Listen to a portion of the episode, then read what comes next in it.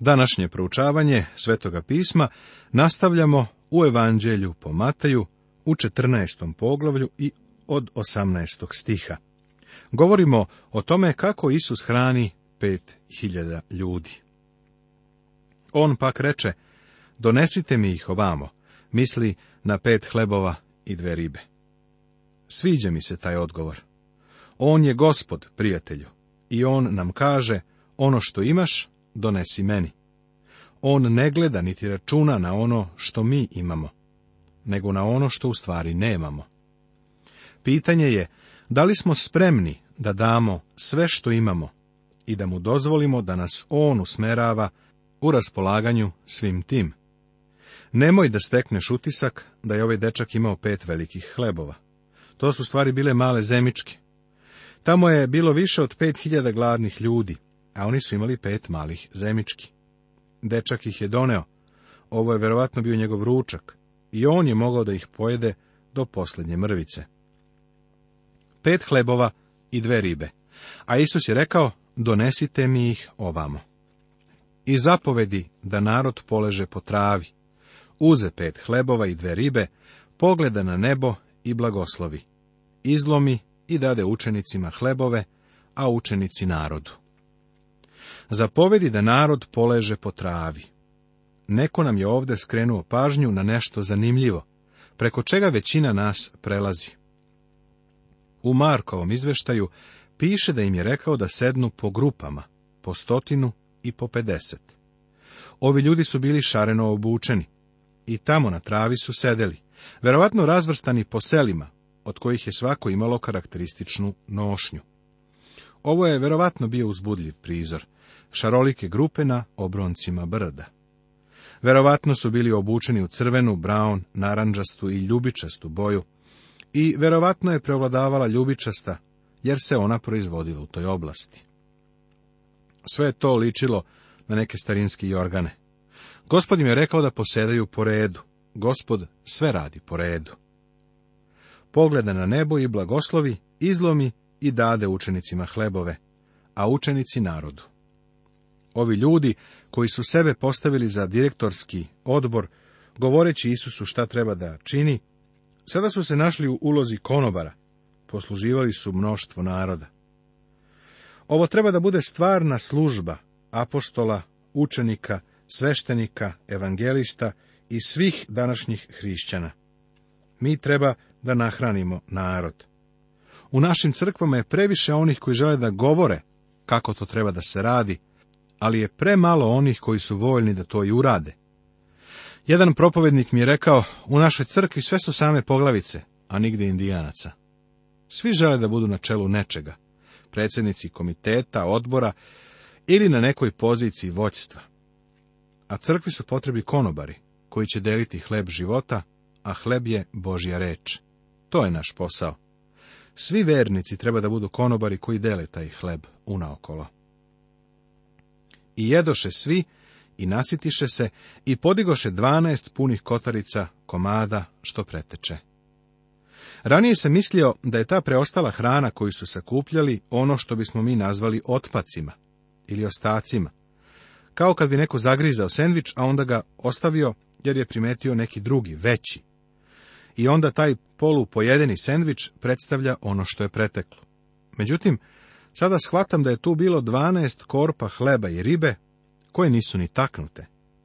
Nama koji živimo okruženi supermarketima, teško je da razumemo da je većina svetske populacije sinoć na spavanje otišla gladna.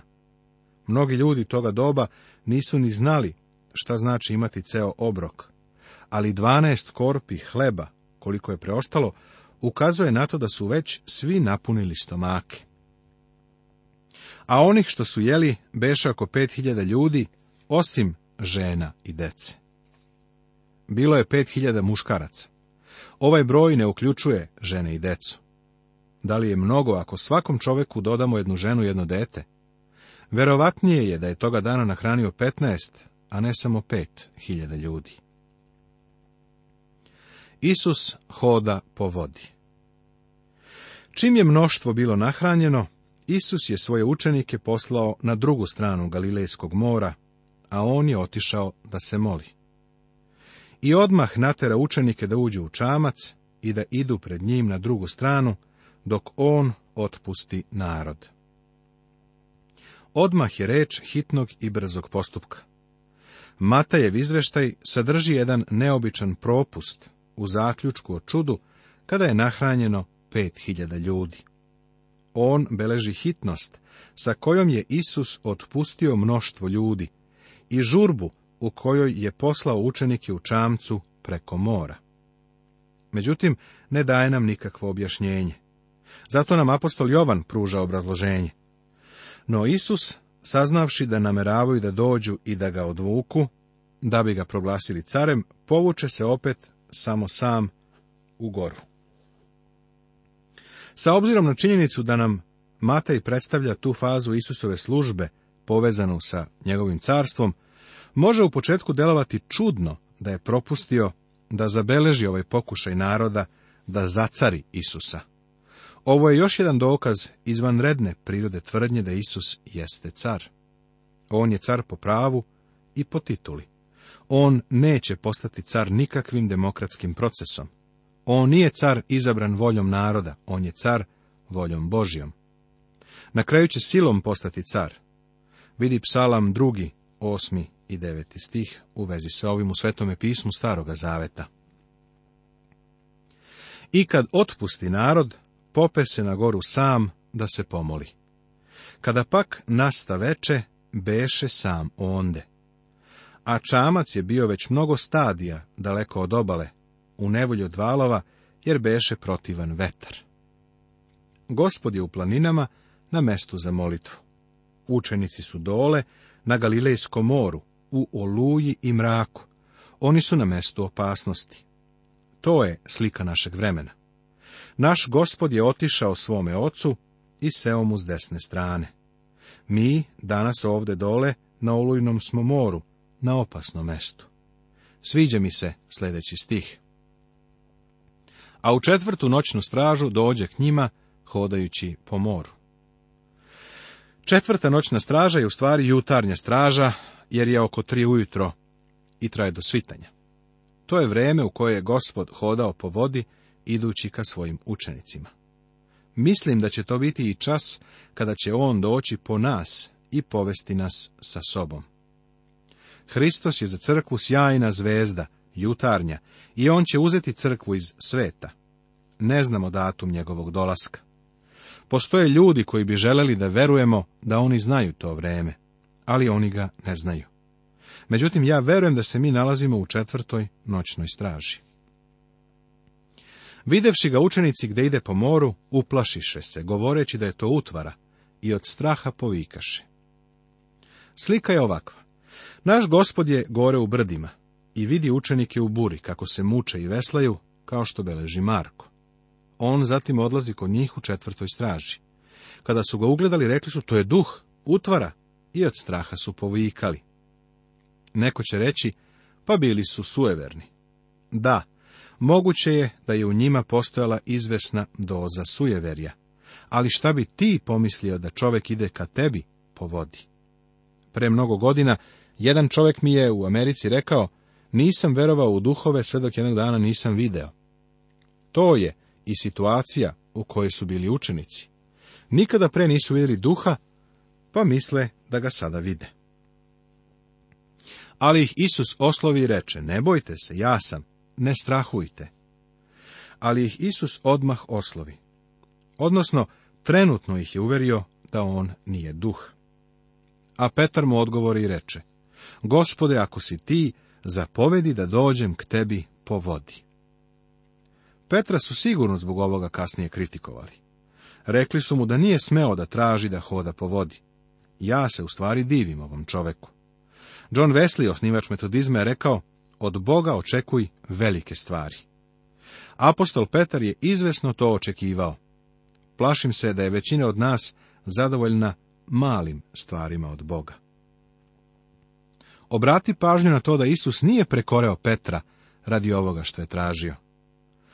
On pak reče, dođi. I izašavši iz čamca, Petar pođe po vodi i dođe Isusu. Čujem kako ljudi govore da je Petar doživao neuspeh dok je hodao po vodi, ali u Bibliji ne piše tako. Moja Biblija kaže da je Petar hodao po vodi i došao do Isusa. Ovo nije neuspeh. Petar je od Boga tražio veliku stvar. Nije ni čudo što ga je Bog na tako divan način upotrebio u danima koji su usledili. Nije ni čudo što je on bio izabran da propoveda onu propoved na dan Pentekosta. Ali, gledajući jaki vetar poboja se, poče da tone i povika govoreći, gospode, spasi me. Dok je hodao po vodi, Petar je skrenuo pogled sa gospoda Isusa. Kada je počeo da tone, molio je najkraću molitvu u Bibliji, gospode spasi me.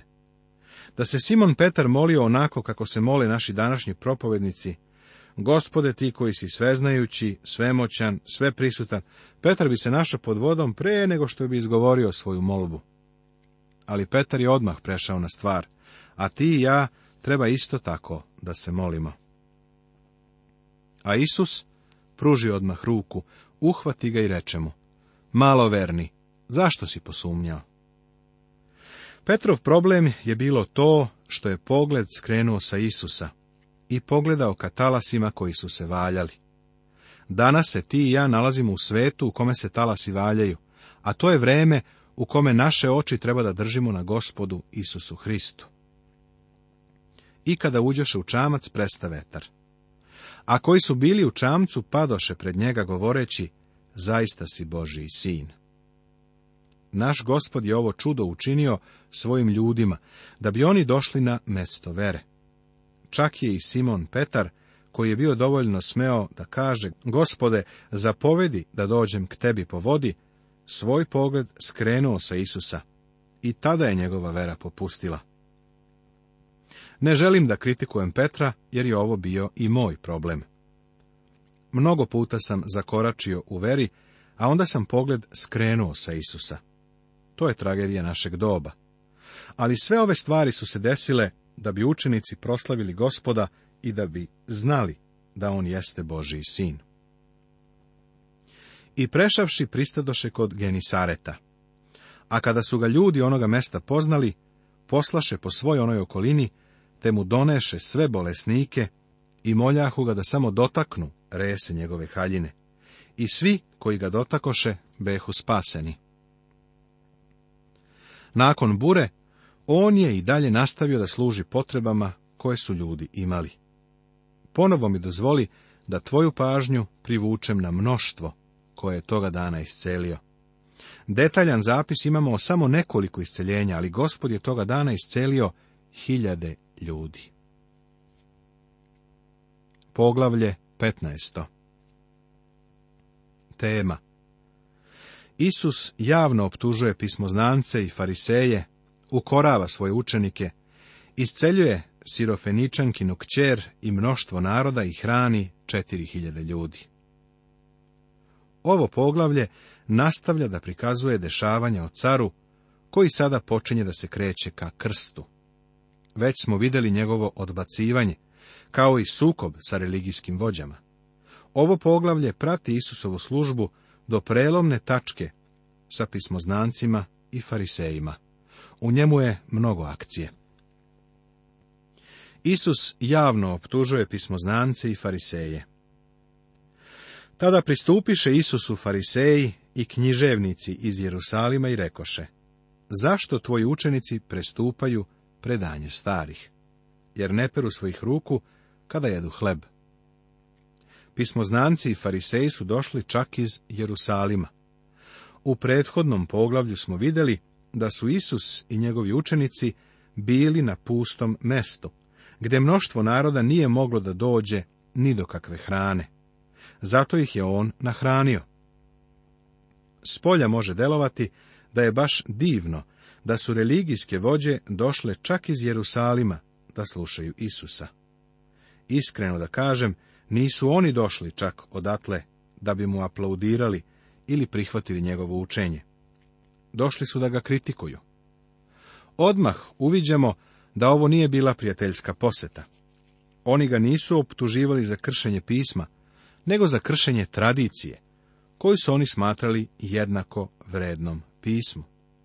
Želeli su da znaju zašto njegovi učenici nisu prali ruke. Spominjali su obredno pranje, a ne fizičko ili higijensko. Mnogo je ljudi koji misli da ako prođeš kroz izvesnu spoljnu ceremoniju ili obred i nekako se opereš spolja, onda je to sve što ti treba. A oni mu u odgovoru reče, zašto i vi prestupate zapovest Božju zbog svoga predanja? Isus ih optužuje za kršenje Božje zapovesti radi tradicije. Vidiš, Njihova tradicija je dozvoljavala čoveku da bude neposlušan zakonu, što je zaprepašćujuće, a oni su imali vrlo vešt način za to. Bog je naime rekao, poštuj oca i majku, i ko ruži oca ili majku, smrću da umre. A vi govorite, ko ocu ili majici kaže, žrtveni je dar čime bih ti mogao pomoći, taj ne treba da poštuje svog oca i svoju majku, i ukinu ste Božju reč zbog vašeg predanja. Naš gospod kaže da poštovati majku i oca podrazumeva i to da ih podržavamo i potpomažemo materijalno. Način na koji su oni sprovodili ovu odgovornost je bio taj što su svoj novac posvećivali kao dar Bogu, pa ih je to oslobađalo od obaveze da pomažu roditeljima. Ovo je čovjeku davalo pobožan način za kršenje Mojsijevog zakona. Još uvijek verujem da je najbolji način testiranja hrišćanina pomoću njegovog novčanika. Barometar današnjeg hrišćanina jeste kako on upravlja svojim i Božijim novcem. Religiozne vođe Isusovog vremena pomagale su ljudima da izbegnu ovu odgovornost. Mišljenja sam da Bog želi da izmiriš svoje dugove pre nego što daš njemu. Bog želi da se pobrineš za lične obaveze. On želi da potpomažeš svoju porodicu pre nego što daš njemu. Poznavao sam jednog čovjeka koji imao neku suludu ideju. Došao je kod mene na dan isplate i želeo je da mi da pola svoga dohotka, dok je njegova porodica gladovala. Malo sam razgovarao i ja sam to onda saznao. A on se prvo uvredio. Na kraju je uvideo da zanemaruje sopstvenu porodicu, što je tragično. Zapanjujuće je kako ljudi pokušavaju da izbegnu odgovornost na pobožan način licemeri. Dobro je prorokovao za vas Isaija. Ovaj narod me poštuje usnama, a srce je njihovo daleko od mene. Gospod je pismoznance i fariseje nazvao licemerima. Ovo je najružnija reč u Svetom pismu. Ništa se sasvim ne podudara sa njom, ali ona u ono vreme nije imala sasvim isto značenje kao danas.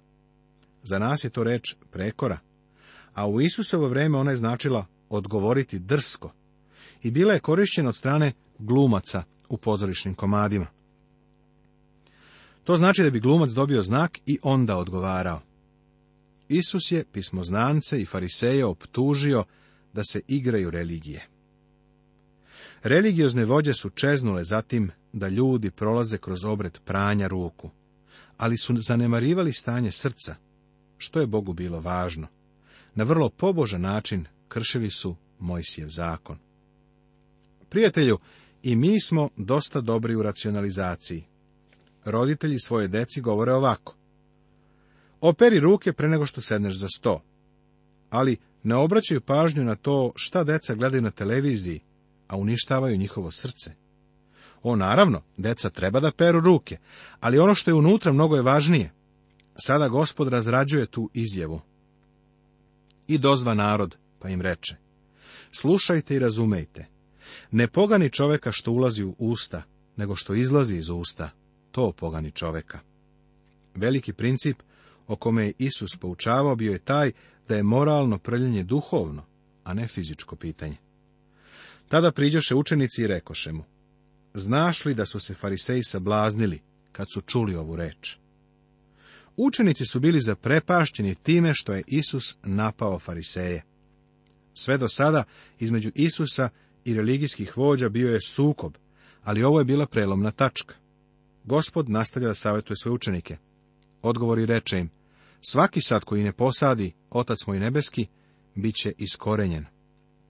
Reč sad, ovdje govori o sistemu, nije preopširno ako ovako protumačimo Isusove reči. Svaki religijski sistem koji nije postavio moj otac, bit će iskorenjen. Ostavite ih. Slepi su vođe slepima, a kad slepi vodi slepoga, obojica će pasti u jamu. Za mene je ovo šaljiva izjava, koja svakako u sebi nosi sarkazam. Fariseji su te slepe vođe. Nastavit će se.